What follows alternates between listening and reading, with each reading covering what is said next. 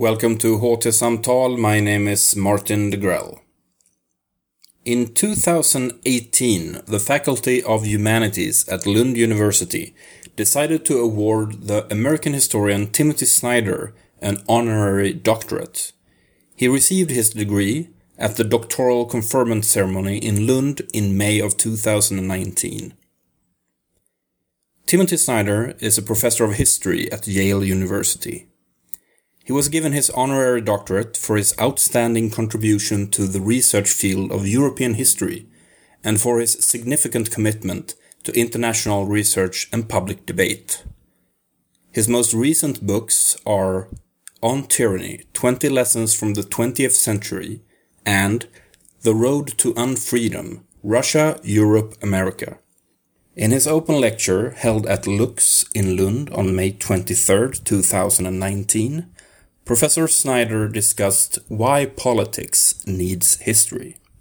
Thank you very much for these kind introductions.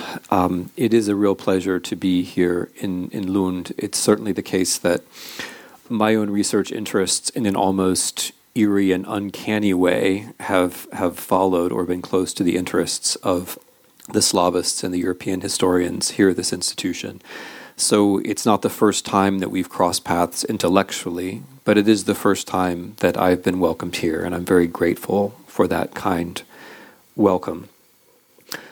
What I'd like to do today is think with you a bit about the relationship between politics and history. And what I'd like to do is make a an ambitious and and uh, fairly, I think, contentious argument about history as a prerequisite for democracy. Now, there's a reason why I'm making this claim, and I hope it's obvious to all of you. Neither democracy nor history has been doing very well in the last 20 years or so.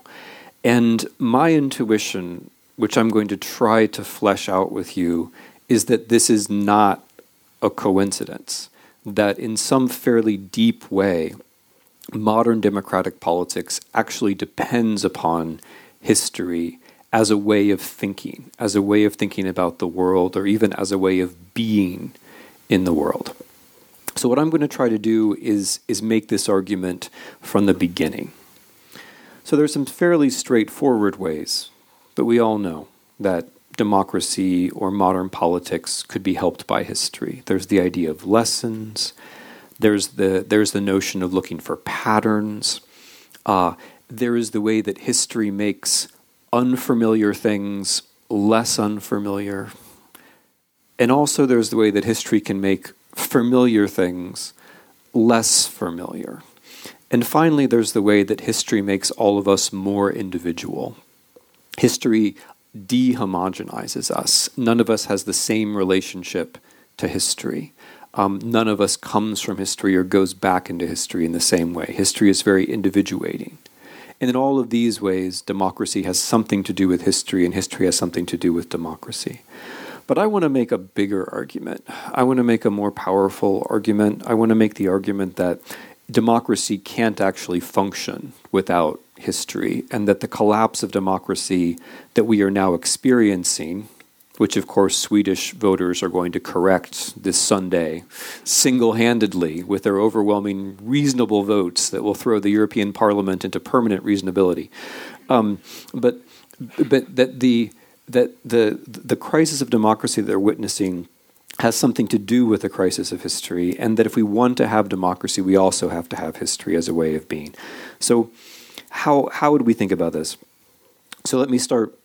Let me start with some big names: um, Weber and Tocqueville. Weber says there are basically two forms of modern politics.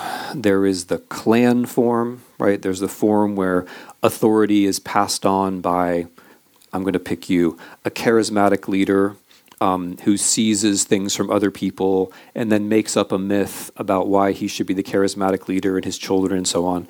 There's the charismatic charismatic model of of leadership, of politics, and then there's the legal model of politics. And in the legal model, Um, we have something like a, a, rule of law. See, you're against the legal model. I can see, right? Like you, the charismatic thing has already got you going.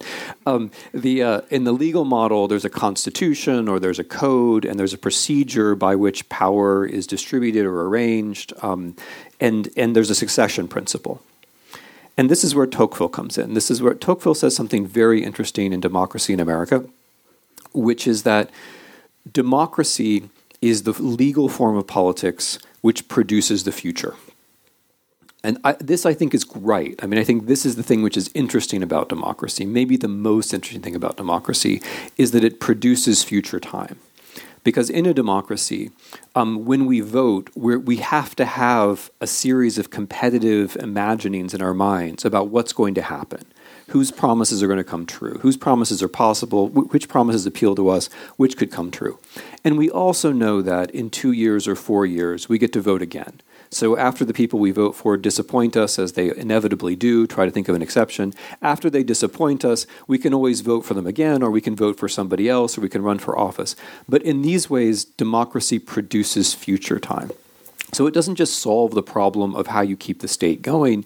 In a, in a more positive sense, it produces future time. But if that's true, then democracy also depends upon our ability to think about the future. If we can't actually think about the future, then we can't really we can't really function as citizens in a democratic system. And what I want to propose or simply observe is that the current crisis of democracy also seems to involve the death of the future. Uh, for me, this is the single most striking thing about the political landscape in, let's say, May 2019, is that the future is basically dead. And this is striking, right? Because objectively, as people used to say, there should be lots of ways of thinking about the future. There's never been more wealth in the world. There's never been more technology. There've never been more people. There's never been more communication, et cetera, et cetera, et cetera. All of these things that we might think would generate visions of the future are somehow not generating visions of the future. On the contrary, um, the contest in politics in both Europe and the United States uh, seems to be between various versions of the present, which are unsustainable, and various visions of the past, which are simply fictional. Um, there's almost no one, with some exceptions, but almost no one who is throwing out visions of the future. And I realize you can think of some exceptions. I, you know, the nice green politician who lives down the street from you, I'm sure. But in general, if you compare where we are in 2019 to, say, 1969, right? Or 1919 or 1789 or pretty much any other year with a nine in it that you care to choose, um, our visions of the future are paltry and pathetic and sad compared to theirs. Our visions of the future involve basically a few Silicon Valley oligarchs flying to Mars, which I mean I'd be happy with. Um, that'd be fine, right? Um, but but it wouldn't change, you know, how many taxes are being paid in the U.S. at all, right? If they went to Mars, and it'd be very interesting. They'd go to Mars, they'd have affairs, you know, it'd be, it'd be terrific. But that's pretty much what we've got, right? A couple of oligarchs are going to go to Mars. That's our vision of the future. Compared to what we used to have, this is striking. Um, and I'm dwelling on this because I think it's a symptom of the of the basic problem. I don't think it's a coincidence that history is dying and that the future is dying. And I think in those situations, in that in that particular constellation, it's extremely hard to imagine that we're going to have democracy. Okay, so that's my first point. Politics is the democratic politics involves the negotiation of the future, the collective negotiation of the future if we, for whatever reason, lack the individual capacity as human beings and citizens to think about the future, if we don't actually have competitive visions of the future in our own minds, if we don't have the habit, if we don't have a field of play where there are all kinds of visions of the future out there attracting us, democratic politics is going to have a hard time. That's my first point. Okay. How would history help? I've already, I've already advanced my main claim, and I'm, now I'm going to try to, to lay it down in a more convincing way history would help because you, you think about the future because you have a past. That's the form in the most that's the claim in the most basic possible form. That history involves a certain way of thinking about time in which things that we can see and understand happened in the past. Those things form certain structures which are exist in the present and which both limit and enable actions in the future right? So if you don't have a historical sensibility, it's also very hard to have an imagination of the future. Now let me do the part where I drop some big names, hopefully not gratuitously. Thucydides. So the first, the first historian. Um, Thucydides. So now I'm so now I'm asking the question: What is history, and and how does history come to do with modern come to have something to do with modern democracy? So the answer to the question, what is history, I'd like to begin with the first historian, Thucydides, and that's for a couple of reasons. The first is that he reminds us what historical methods are, as opposed to other kinds of methods. In Thucydides, you find four things that are crucial, I think, for every historian, or at least for methodologically conservative historians, which I consider myself to be. The first is that he believes in evidence and factuality. He's using primary and secondary sources to try to establish facts. He's not just relying on hearsay or myths or what he would like to think. The, the second principle is mutuality. He's not relying only on his own point of view or the point of view of Greeks like him or even only on Greek points of view. He's trying to establish other points of view and to see how other people saw the same situation. The third um, methodological uh, virtue of Thucydides would be um, criticism. So when the king says something, he doesn't just report that the king says something, he instead treats political utterances as sources that one has to put in contact with other political utterances and try to figure out what's actually going on. So, for example, in, the, in, in his book about the Peloponnesian Wars, Thucydides does a lot of analyzing of war propaganda in much the same way that we would analyze war propaganda. And the fourth thing, and this is maybe too obvious to be said, but it's actually very important, is chronology. Um, that you tell your story from the beginning to the end, and that if your interpretation is true, it's only true if things that happened before are explaining things that happen afterwards. That's Thucydides, and that's remarkable enough. But there's something else about Thucydides which I find fascinating. And for here, for this to make this point, I'm going to refer to um, I'm going to refer to something Polish, which is the poet Zbigniew Herbert, who some of you will know and some of you won't. I can tell who's Polish in the audience just by pronouncing that Zbigniew Herbert, and now I know, right? I can even tell which year you immigrated in by which side of the mouth you smile with when I say Zbigniew Herbert. Um, pokolenie marca, stan wojenny, lata 90. Okay. Wiek XXI. Um, so uh, so Zbigniew Herbert was was a was a Polish poet who was fascinated with the classics, and he was fascinated with Thucydides. And in some of his unpublished writing, he he he dwelled on something which is interesting and true about Thucydides. Thucydides was a participant in the events he wrote about, but not a major one or a successful one. In fact, Thucydides failed in what he was supposed to do as a warrior and was sent into exile. And because he failed and was sent into exile, he wrote history. He invented the discipline of history as a result of his failure. And when he writes about himself, he writes about himself in a very interesting way. He says, when he writes about his own part in the war, it's just a few lines. He says, um, It was winter, it was cold, I only had a few ships. I went as fast as I could, right? But he failed. And he doesn't hide that he fails he takes responsibility for having failed. He doesn't really make excuses. He describes the situation, but it's his failure. And then, interestingly, from the very failure, from the possibility afforded by this very failure, he writes not about himself, not even about the battle that he lost, but about the whole war. But not even about the whole war. He writes about the whole war in a way which invents the discipline of history, right? So there's an interesting way here in which Thucydides embodies something which I think is very central to history and very interesting about history and very important to the connection between history and democracy. And that is what I would like to call the mystery of responsibility.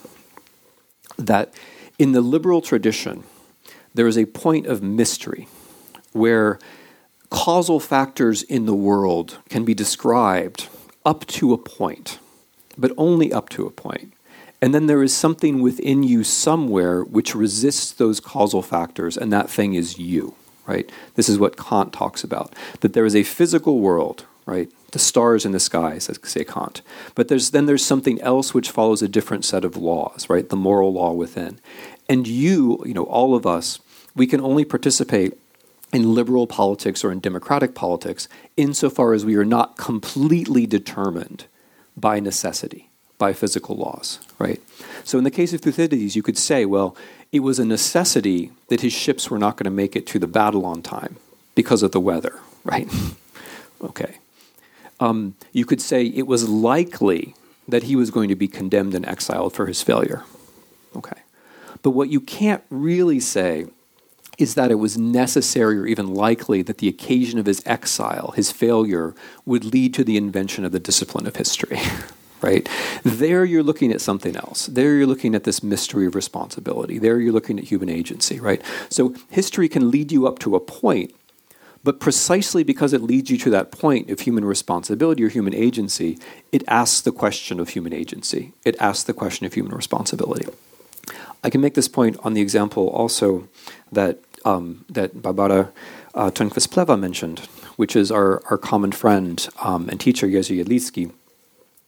Interestingly, in that in, in, in that period in Poland in the 1960s, 1970s, and 1980s, in addition to the poets who were important, some of the most important dissidents, as Barbara always already hinted, were the historians, which I find quite interesting. Some of the most important advocates of democracy, um, not just Jerzy Jedlicki, but also to mention someone who passed away more recently, Karol Modzelewski, were historians. And interestingly, in both of those cases, they were historians who were completely out of step with contemporary opinion. So um, I'm just going to mention this because it's going to be important for the argument later. In both the cases of Modzelewski and Jedlicki, these were historians who, in the early 1990s, when everyone said, there's no alternative to capitalism, and we have to reform the Polish economy exactly in one way. There's only one way we can do it, because objectively the world's that way. There are basically physical laws which require us to follow the Balcerowicz reform plan. There is no alternative to doing exactly this thing in exactly this time. There were a couple of people who said that's not true. And they were these historians, Jerzy Jedlicki and and Karol Modzelewski. And this idea that when people say there are no alternatives, you have to stop and think and risk. That it's precisely then that you have to use history against this notion that everything is a matter of physical law and necessity. It's precisely this which, which makes history so important. But in the case of Jerzy Jedlicki, um, and, and the memory of the Holocaust, which is something I wasn't intending to talk about, but I'll talk about it briefly now. In, in 1968, um, Jerzy Jedlicki and his mother, Wanda Jedlicka, published an account of how most, not all, but most of their family survived the Second World War. So the Jedlicki family were um, a, a, a, a, Jewish family or, a, or a, family of Jewish origin. There were four of them mother, father, and, uh, and the two boys, Jerzy and Witold. Uh, the, the, the mother and the two and the two sons survived the war. The father was killed at the end of the war. So Jerzy Jedlicki and his brother Witold grew up without without a father, but with a very very industrious and loving mother. In 1968, Jerzy Jedlicki set out to um, with his mother to record her version of how they had survived in Warsaw. So they survived by not going to the ghetto. Um, they ignored the summons to go to the ghetto, which was a good choice and then they stayed with various friends and acquaintances and acquaintances of acquaintances. In this long story, there are many things which seem like necessity. There are many things which seem overwhelming, right? The Germans have invaded Poland, the Polish state has been destroyed, right? Think radical things have happened. It seems like all of the Jews must die. And it should be said, most of them do. Most of the Jews of Warsaw die. Most of the Jews of Poland die. But then a few of them survive. And when one tries to explain how they survive, as I do at the end of my book, Black Earth, you run up against this mystery of responsibility, where they survive not because of things you could have predicted. The things that you could have predicted are the reasons why they die. They survive for the, for the, because of the things you can't predict. And I was thinking of this, um, Basha, when you mentioned Jedlicki, because in Wanda Jedlicka's account of how she and her two little boys survived, she uses the phrase um, simple human goodness, right? And she's not saying that we're all simple and human and good. We're not. Were we all simple and human and good, there would have been no Holocaust. What she meant was that in certain people, there was a kind of irreducible, inexplicable quality, which you couldn't really explain. It didn't make sense for them, right? If you're thinking of the world as being a matter of necessity or probability, you would never rescue a Jew in occupied Warsaw or in occupied Poland. If you think the world is all about laws and probabilities and your personal gain, there's no way that you would rescue a Jew. But she says, and in my in my opinion, having researched this, she's right. The people who rescued Jews did so because they were thinking in some other way, right? They weren't thinking they weren't thinking according to physical laws. They weren't thinking according to the to necessity. They were thinking of according to some other logic which was inside them precisely. And that's where history stops. That's where history has to stop. But because history stops there, it brings you there. It brings your view there. It allows you to see that there is this place where, since precisely because we can't explain it, we then might want to take responsibility or notice when other people are taking responsibility at the very at the very least. So how then do we get from Thucydides, the first historian, to the idea of history for all of us? right? Because after all, Thucydides is um, a, a, a, Greek who's been dead for a couple of thousand years. How do we get from this first historian to the idea that history belongs to everybody? this is very interesting because what history allows us to do, I think, is to connect all the way back to everybody who's ever been alive, at least as long as there are written records. And this seems to be, to, me to be no small thing, right? So I've just said Thucydides is a dead Greek who's been dead for a couple thousand years. Interestingly, though, many of you know who I'm talking about, right? I mean, I'm not going to like make you raise your hands if you don't or anything, but um, no, I mean this is Sweden, so I'm sure you all, you know, you've read Thucydides in the original.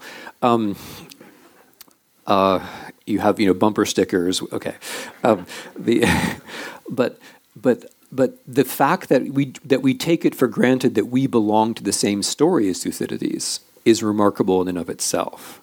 And then you can take that logic even a little bit farther. When Thucydides was writing, he didn't know anything about the ancient Egyptians or the ancient Mesopotamians.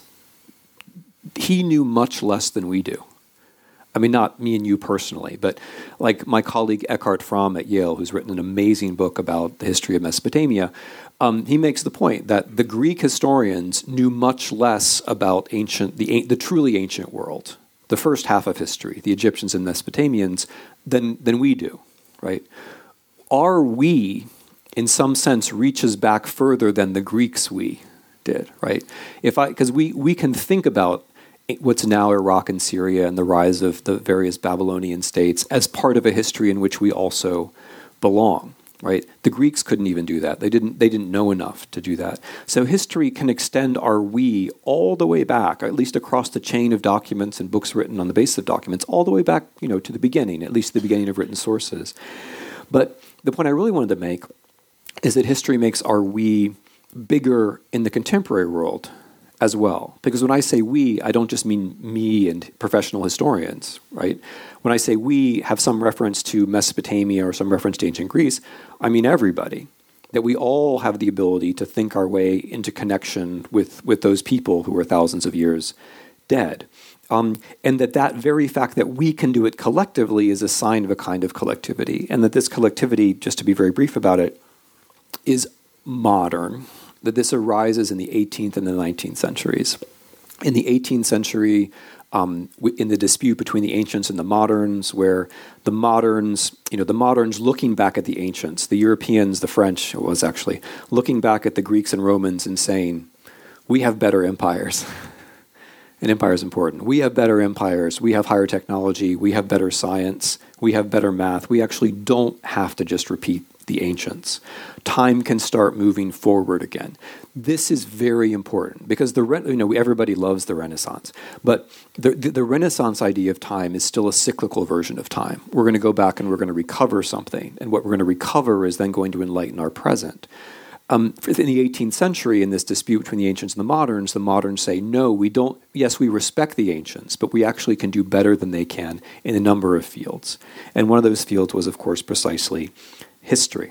And so one then sees from the middle of the 18th century into the 19th and the 20th centuries various kinds of politics, like Marxism or nationalism or romanticism, which include a version of the past moving through the present into the future. But one also sees the emergence of a modern discipline of history with a big we, with a big popular we. One sees the notion that as peasants you know, become Frenchmen or as peasants become any kind of nation, one of the things they need to learn is is is is is their history. And this brings me this brings me back to where I wanted to go, which was Tocqueville, democracy in, in America, the middle of the 19th century. What's interesting is that by this point, Tocqueville, when he's saying democracy produces the future and the future produces democracy, he's taking for granted that both the future and democracy have already been established. These are already things. Right, the middle of the 19th century, the future and, and democracy are, are already things. There's already a flow of time um, from the from ancient in, in, the middle of the 19th century. There's already a flow of time from the ancient world into the modern world, and there's already the idea that one can imagine a number of different f- futures, and that democracy can work in this way. So, now let me just move back to politics now that we now that we've you know now that we all have history together, let me move back. Let me move back to politics, because a central question in politics, um, a question which is now very much in fashion again, thanks in part to the the the Carl the Carl Schmitt revival. You're all supposed to say "boo" now, by the way. Um, thanks to the Carl Schmitt revival, is the question of what comes before politics. What it, what is the pre-political? And this is my this is by way of my trying to move towards the answer, right? My answer is going to be that actually time is the pre-political. But we so there are familiar answers to what is pre-political. What do you need to have politics? The um, I'll start with the fascist answer since I already gave it. The fascist answer is you need an enemy. Right? That is the pre-political thing. Politics starts with the essentially arbitrary choice of enemy and friend. And once you've decided who your enemy is, then everything else follows from that. And that is indeed a way of doing politics. And people, people still subscribe, or I should say, shouldn't say still. I would say increasingly people subscribe to that as a normal way of understanding what politics is actually about. If you're a Marxist, um, the pre-political for you might be uh, changes in technology right? The thing which comes before human action, human choice, human institutions are changes in the means of production. That's they're not political in themselves, but they're the thing that comes before politics. And if you understand them, then you can understand politics. If you're a liberal, um, if you're a liberal, traditionally, what we have said is that the thing that comes before politics is a social contract. We all we all sit down in an imaginary committee room, which because it's imaginary is going to be much more interesting and better lit, you know, with better air than an actual committee room ever is. So we all sit down in the committee room and we exchange, you know, we exchange views about the the, the rational and the good and so on. We write a constitution. We all sign up to it. That's okay. I know I'm making fun a tiny little bit of the liberal tradition, but I, I hope I'm doing so constructively because I think the problem with that understanding is that it doesn't have time built into it, right? It's not about time. In fact, it's actually about how you can take you can actually create a kind of moment of exception, right? So things are happening, but suddenly but we can get rid of all those things and we can just have our committee meeting right? I mean, if you're an actual historian, that probably describes your life, right? You're trying to get a lot of stuff done, and then there's a committee meeting. Um, but if we're just thinking about history like real people, that's a kind of artificial and I would say even slightly odd setup. That world history is going on around us, but we're going to stop everything, we're going to freeze, we're going to imagine that we can have this kind of social contract. And of course, that never actually happens. I mean, even the people who talk about it realize it doesn't actually ever happen or that it, that it hasn't ever happened. What I want to try to suggest in, in the last half of this lecture is that there's something importantly wrong about this social contract idea that that in taking us out of time it, it, it, it, it, it omits what may be the most important feature of democratic politics, which is forward moving time. And that in taking us out of space, it also omits what I think is one of the sources of weakness of present democratic politics. Okay, space. Since you've let me get away with talking about these huge categories so far, um, I'm going to add another one, which is which is which is space.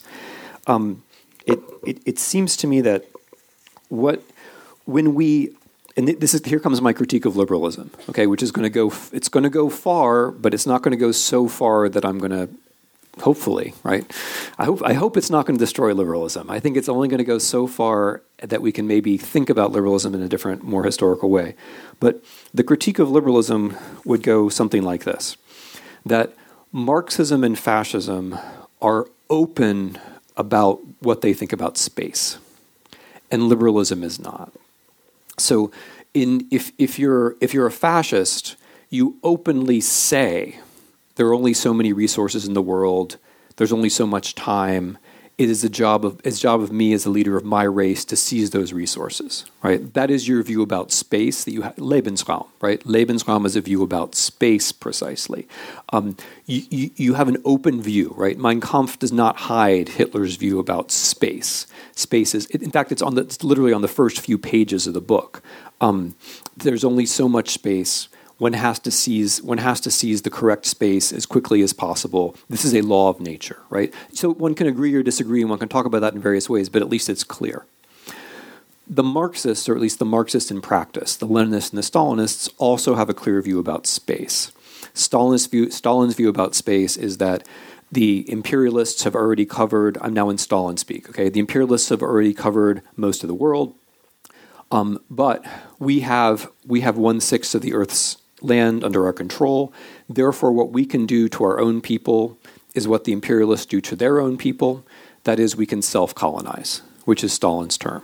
Right now, again, one may like it, one may not like it. One want to defend the Soviet Union from Stalin. You know, fine, good luck. But it's at least a clear view about space we control this space from the Pacific Ocean, you know, into the middle of Europe. And what we're going to do with this space is we are going to imitate capitalism. We're going to accelerate capitalism. We're going to exploit our peripheral, our peripheries. We're going to exploit our agricultural land. We're going to accelerate time by exploiting the space that we control. It's a clear view about space. Whereas the critique of liberalism would be, or of liberal democracy, would be something like Tocqueville in the 19th century you know, when Tocqueville was writing in the 19th century, or when Rousseau was writing about a social contract in the late 18th century, um, that the places that they're talking about, right, when, are are not just the liberal centers, right? Paris, whatever, or Boston, no, Philadelphia, wherever it was. We saw, you know, I'm not an American historian. Help me out.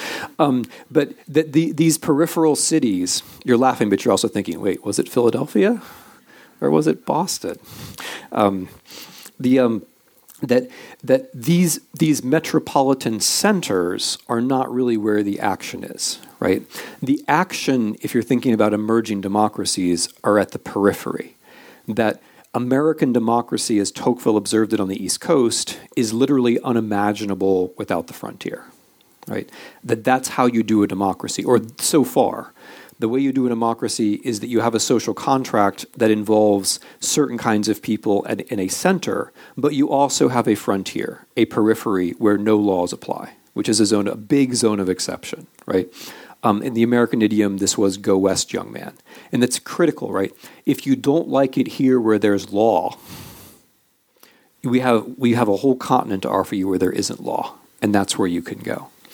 British democracy, I mean, I'm going to do this very briefly. British democracy functions on the same principles.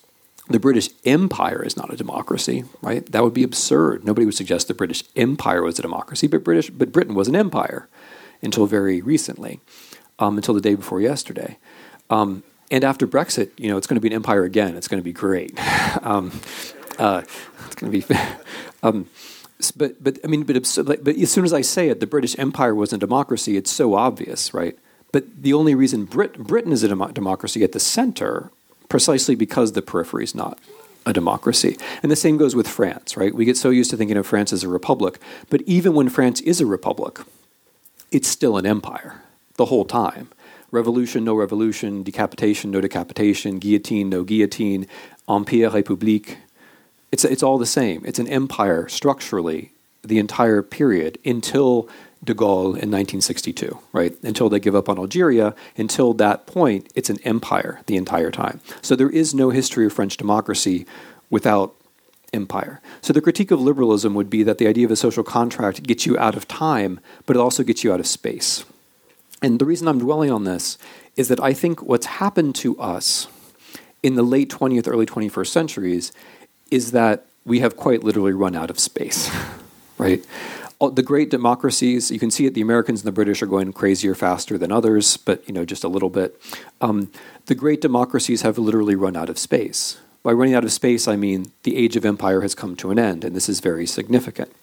It is not it is no longer possible to say "Go west, young man" in the United States. The frontier is closed.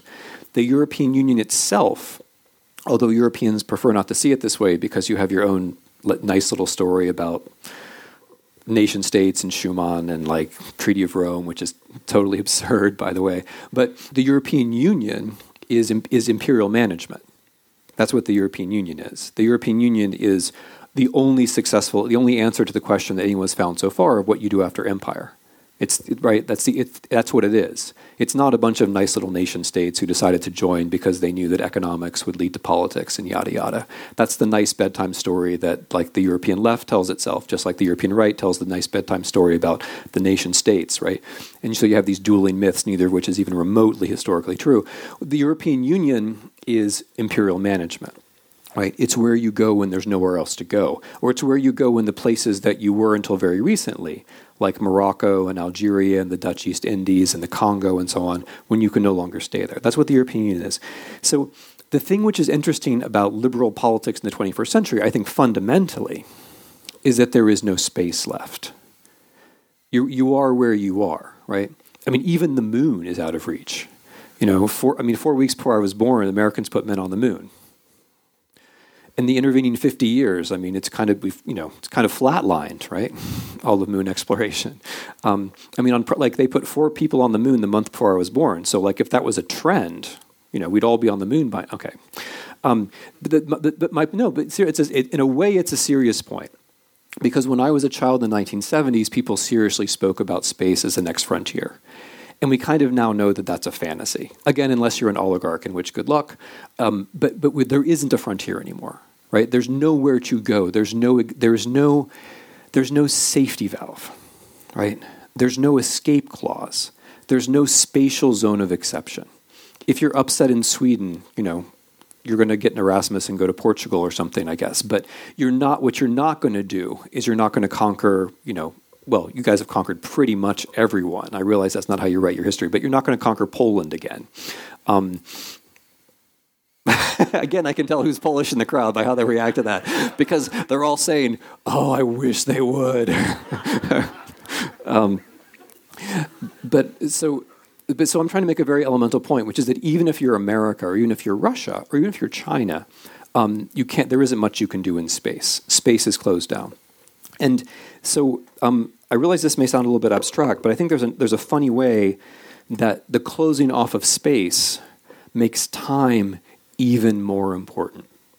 Because if democracy depends upon some idea of the future, if it depends upon possible configurations in the future, and suddenly moving has been taken away from those configurations, um, then you're narrowed down to time. Like, how can things change in without my moving, without my physically moving, without my conquering another country? Um, how, how can things change in a way which seems better than the present without much physical mo- motion actually taking place, right? And that becomes a harder question. So, I wanna, what I want to try to say is that when space has been closed off, time becomes all the more important. And here, now I'm moving to the close because I want to say what's gone wrong then in the last 30 years. So, I think what we can say about the last 30 years is that we have run a kind of experiment in liberal democracy without history. And I'm not going to go into the details about the ideology of the end of history or into the details of um, how much worse, sorry, European students have gotten in understanding history, or into the details of how the European history curriculum has become more nationalist than it was 30 years ago on average, which is, let's face it, a little bit sad, all things considered. Um, let's just take for granted that what we've done is we've t- carried out an experiment in democracy without history. Um, it, I think the, and this is in the book in greater detail, um, but I think the way to characterize the move that was made after 1989 is, is as, as the politics of inevitability. The politics of inevitability being an idea which pretends to be history but actually murders history, or it sets history up to be murdered, right? It, it pins history to the wall so somebody else can come and murder it later, and I'm going to talk about that somebody else in a second.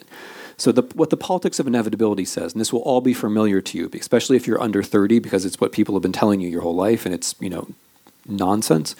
What the politics of inevitability says is progress, um, there are no alternatives. There's only one future, right? Whatever the facts might be, let's just edit those facts so that they fit this narrative about how everything is going basically well. That's the politics of inevitability. There's a, the American version is something like capitalism is, is always going to bring you democracy, right? But there's also a European version, and the European version is, is something like, you know, the Europe is always going to bring you is always going to bring you democracy. Um, now, the thing about the, polit- the, the there, there, are many ways to make fun of the politics of inevitability. I mean, now that we've lived through 2008 and Trump and Brexit and so on, I mean, we can all look back at the 1990s and say that didn't make a lot of sense. That's easy. But what's interesting for the argument I want to make is the way that the politics of inevitability kills responsibility or looks away from the mystery of responsibility right? Because if you think historically, as I've already tried to show, if you think historically, if you think about structures in the past, then you're always led up to the moment when the people you're reading about or you yourself are facing limits, but therefore possibilities. And therefore, you're in the zone of where you have to choose and where you can't avoid the fact that you are somewhat responsible for what's about to happen. Whereas the, in the politics of inevitability, there's no responsibility. I mean, if there are no alternatives, there's no responsibility, right? if capitalism or some larger force is going to bring about democracy, then there's no individual responsibility. It's a completely meaningless idea. Um, it's it's basically a kind of a kind of um, determinism. And by the way, there are no ethics because the politics of inevitability says things are pretty good right now, and they're only going to get better. And therefore, we don't have to ask what good is because good is what we have, right? And better is a future in which whatever we've got, there's going to be more of, right? That's what the politics of inevitability says. So you don't have to ask the question of what's of what's good. Now, the problem with this, or one of the problems with this, is that, I mean, aside from the fact that it's not really true, is that it brings about its own it brings about its own nemesis. So, oh, and by the way, it really weakens history because if I say there are no alternatives, that means we don't have to know the details of the past because whatever the details of the past were, they're all being going to be swept in. You know, they're all going to be swept by some overwhelming gravitational force into the one story about how we're all moving towards one form of politics. So we don't really have to know what happened in the past right? I mean, I'm afraid this is how a lot of folks have been educated. We don't really have to know that much about the past, the na- those names, those details, those troublesome orders, right? How long did the Seven Years' War last, or you know, which came first, the First or Second World War? You know, we don't have to know these things anymore um, because it's all going to sort itself out. Right, it's all going to sort itself out towards one. The Seven Year War example is actually a true one, um, but it comes from Okay, it comes from like the the Grand, the Habsburg Grand Dukes and their historical education, right? Because the Habsburg Grand Dukes were not necessarily the smartest people in the world, but they had to study history, right? So supposedly one of the questions they were asked was like, "How long was the Seven Years' War?" Um, okay, uh, it, but so what it does is it weakens history, right? The idea of inevitability weakens history. The people who are politicians of inevitability they pretend to care about history, but like for them, the past is really just it's all just kind of grist for the mill, right? It's all it's all moving in one in one direction. But of course, this creates its own it creates its nemesis, um, which is the politics of of eternity. Because if you're in the politics of inevitability, and for example, you think capitalism is going to create democracy, then you don't notice that capitalism is creating just terrifying inequality, especially in the Anglo in the Anglo-Saxon world. If you think technology is going to keep people enlightened, you don't notice that what technology is actually starting to do in the age of the internet is, um, I mean, to make a long story short, it's actually making everyone stupider. Um, and if you haven't noticed that, it may be a bad sign. um, so the the the but but I mean more more seriously, the in general the politics of inevitability for different people at different times, whether it's a real estate crisis or a financial crisis or whether it's the impossibility of social mobility, it breaks. And when it breaks, what people move to is the thing which is winning now, which is another substitute for history, um, which actually finishes off history, which I call um, the politics of, of eternity. What the politics of eternity does is it, it, it finishes the job, right? The politics of inevitability says there's only one future. We're all moving towards this liberal democratic thing where we just, that's the problem. You don't know what you're going to do, right? You're all moving towards this liberal democratic thing. There's only one future. And once you say there's only one future, it's a very short step to saying there's no future, which is what the, which is where our all of our nice so-called populists are right now. They, they don't talk about the future at all. They don't talk about digital stuff or global warming or anything that's in the actual future. They only talk about national pasts. I mean, I mean the Russian and the American ones too. Um, Make America Great Again is an example of the politics of, of, of eternity. M- Mr. Trump doesn't talk about any plausible thing that's happening in any future. Um, you know, I mean, past dinner. I admit that he cares about dinner. Like he cares about what he's going to eat that night. But beyond that, his imagination doesn't go. He's masterful, however, at the politics of eternity at making people think back 40, 50, 60, 70 years to a time when things supposedly were, were, were better. The, whereas the politics of inevitability says, well, you know, facts, we pretend to like facts, but what we're going to do with facts is we're going to work them into this narrative. What the politics of eternity says is there's no such thing as facts, right? Facts don't exist at all. Um, it, you have your opinion, I have my opinion. You know, this is a true. I mean, when the Russian ambassador came to Yale, and you know he was he was asked by you know a courageous student, um, but Mr. Ambassador, you've just given us a whole speech, and you haven't mentioned that your country just invaded Ukraine.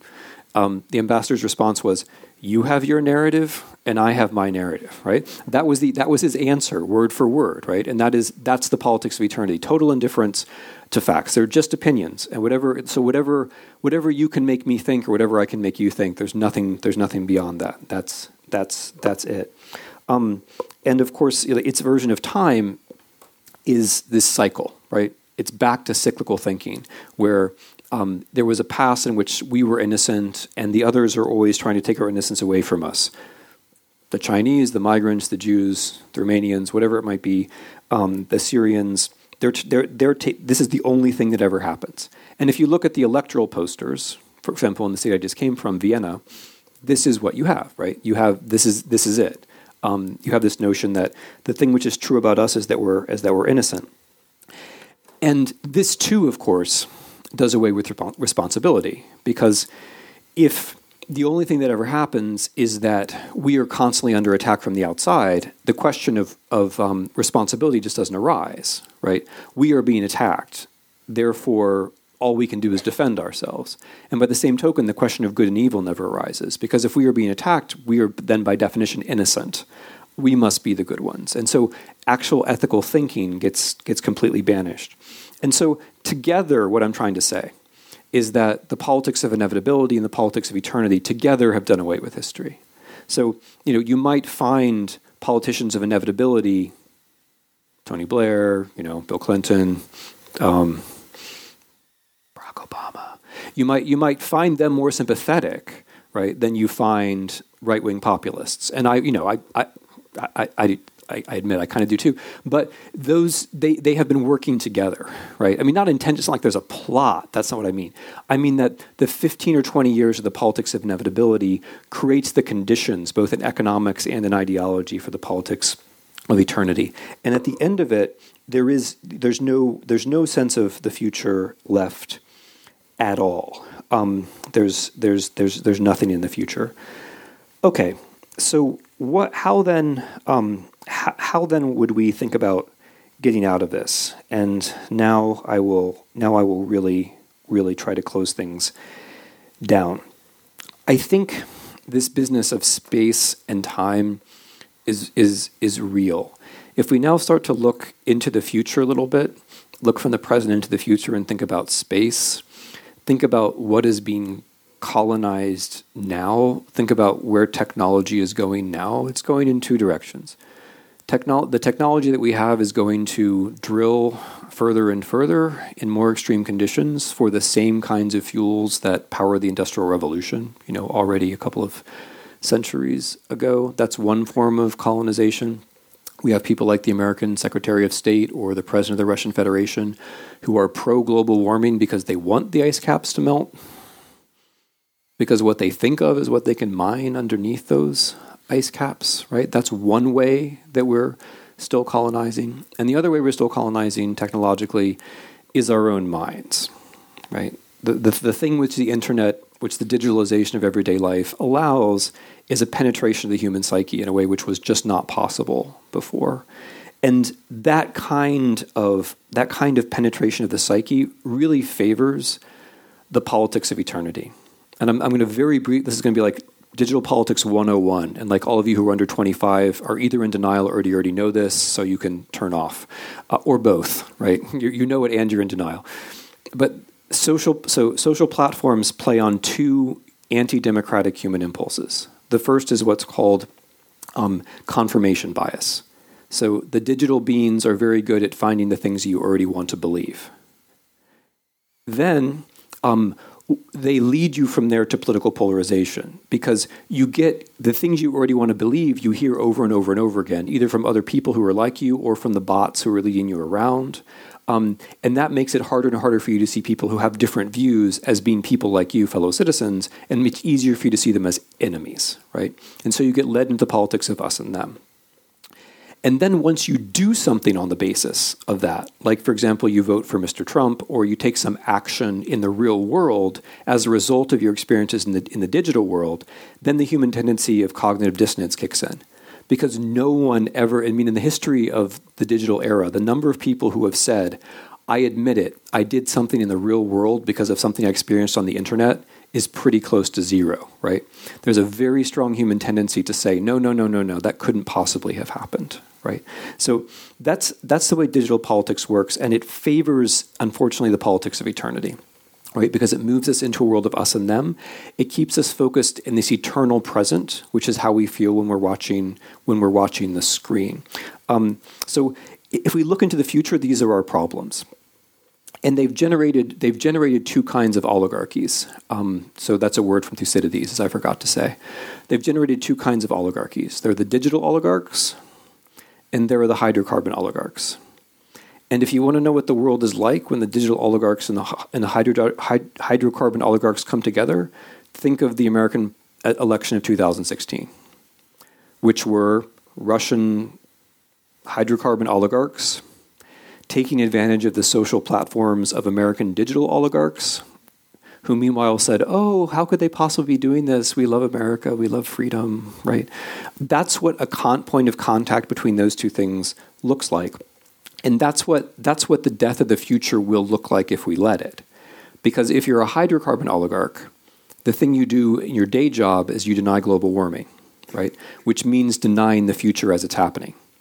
If you're a digital oligarch, what you do in your day job is you keep people focused on the eternal present. That is, you keep them, you keep the eyes staring on the screens, right? In both ways, um, these tendencies do away with with future time. So, how could we get out of this? Small version, European Union. Big version, um, the whole world. So, the European Union is really interesting because it's a case study or could be, of how um, history, like almost history alone, could liberate a tremendous amount of potential to change the future. So, your poli- so it's easy to make fun of the American politics of inevitability. I encourage you to do so, right? Okay, look at that American. He probably thinks that capitalism creates democracy. Okay, you kind of know I don't think that by this point, so it's not as much fun as it would be. What's th- but what hurts is your own politics of inevitability. Other people's politics of inevitability are funny. Your politics of inevitability is true, or you think it's true, right? And it hurts a little bit to realize that it's not. So I'm just going to spend five minutes talking about the European politics of inevitability and how, if we thought historically about Europe, it would actually liberate a tremendous amount of power here. So your politics of inevitability says um, you have these old nations France, Spain, Portugal, England, Italy, Germany. These nations have had a lot of experience, and after a lot of experience and a couple world wars, they realized that war was bad. Um, and as a result, some clever people signed some economic agreements. Schuman had a declaration, coal and steel, Treaty of Rome. Um, and these nation states who realized that war was bad found a way out, which is economic cooperation, which leads to political cooperation, right? That's your, that's your story, okay? Um, now, this is a great story um, because it, it, it allows you to say to the Americans, well, look, we, we figured out that war was bad, and you've never figured it out, you silly Americans. You just keep fighting those wars in Asia, in Africa, and so on. But it's also a great story because it allows you to look away from your actual history, right? Because the story that we are small and medium sized nation states which learned that war was bad, right? That story allows you to be not, not to be responsible for what actually happened, right? Which is 500 years of ruling the world, which ends with the German attempt to um, uh, redo the colonial balance by turning Eurasia into its own colony. That's the thing we call the Second World War. Your actual history, I mean, with with like some minor exceptions, like I'll give you, I'll give you, you know, I'll give you Luxembourg and I'll give you Finland to some extent, but your actual history is not doesn't have anything to do with long nation states. You don't have a long history of nation states. Your actual history has to do with empires which fall apart and which find a safe landing in the European Union. That's that's your actual history. There were, at the founding of the European Union, there were no nation states. None. They were all empires. And they joined the, and at the time they understood that they were joining the European Union as a substitute for empire. Now everyone's forgotten this, and you have the story of the nation states and how they were smart and so on. But that's your myth. It's not true, right? The reason why you, people think it is because it's not true. It's comfortable. It's a politics of inevitability. And it reframes European political debates in a very dangerous way because it means that you talk about entering or leaving the European Union as though you had a nation state that could do things like that. Whereas in most cases, you don't really, because the state as it exists has grown up inside Europe, and it's, it's gone straight from empire to Europe usually, with no, with no, usually with no interval in between. But here's where things really come in. If we want to talk about the mystery of responsibility, um, because the European Union really is imperial management. Because what the European Union really is, is the only answer to what you do in a post imperial world. The European Union is also the only institution in the world which can actually deal with the challenges of the world as they are now, right? Which are, by the way, imperial challenges. So if you're if you're outside the European Union, it's still an imperial world out here. I mean, okay, I, okay, I'm an imperialist too, right? I'm an American. I plead guilty to all of it, but I realize my you know position is privilege and so on. But I just want to tell you that out here, outside of the European Union, um, it's still an imperial world. You know, there's, there's there are the Americans, they're the Russians, they're the Chinese. There's also Google and Facebook, right? It's an, it's an imperial world. The digital world is also imperial in very specific senses. It doesn't follow human laws, right? It doesn't treat humans as humans. It operates in conditions of radical inequality and so on. The European Union is the only institution which is actually dealing with any of this stuff. And the reason why it can is that it's not a nation state and that it's not an empire, but that it's something entirely new. And if one wants to make a case for the nation, for the European Union, all you have to do is make a historical case and say, well, we, okay, we ruled the world for half a millennium, we crashed, we found a substitute, we built it up, and this substitute actually has the power to deal with the real challenges of the 21st century, which are digital human rights, climate change, anti monopoly, inequality, maintaining the welfare state in conditions of globalization. The European Union is the one and only institution which is actually making some headway on all of those issues. And the reason why it is and the reason why it can is because it is a new post imperial thing, right? That is, I think, a very simple historical description.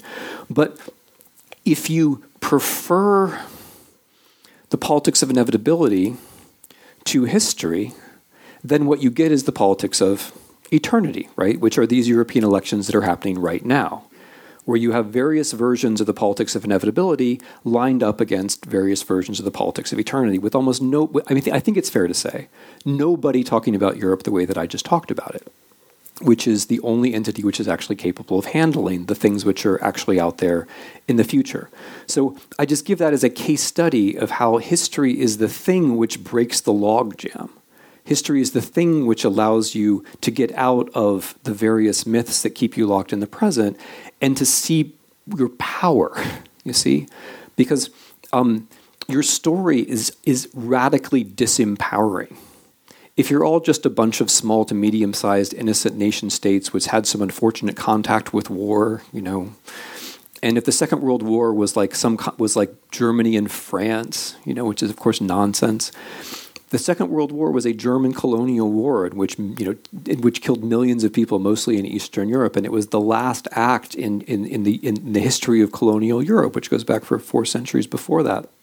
That's all screened out by your European Union story. And see, and this, I'm not even making a moral point. I mean, I think it would be nice if France talked more about Algeria and Germany talked more about Ukraine. But that's not even where I am right now. What I am where I am is saying that this is the mystery of responsibility. The mystery of responsibility is that if you see what you were, then you see what you can do. And if you see what you can do, right, then you maybe can see what you what you should do. Okay, I've talked for long enough. I'm going to bring it to a close there. Thanks.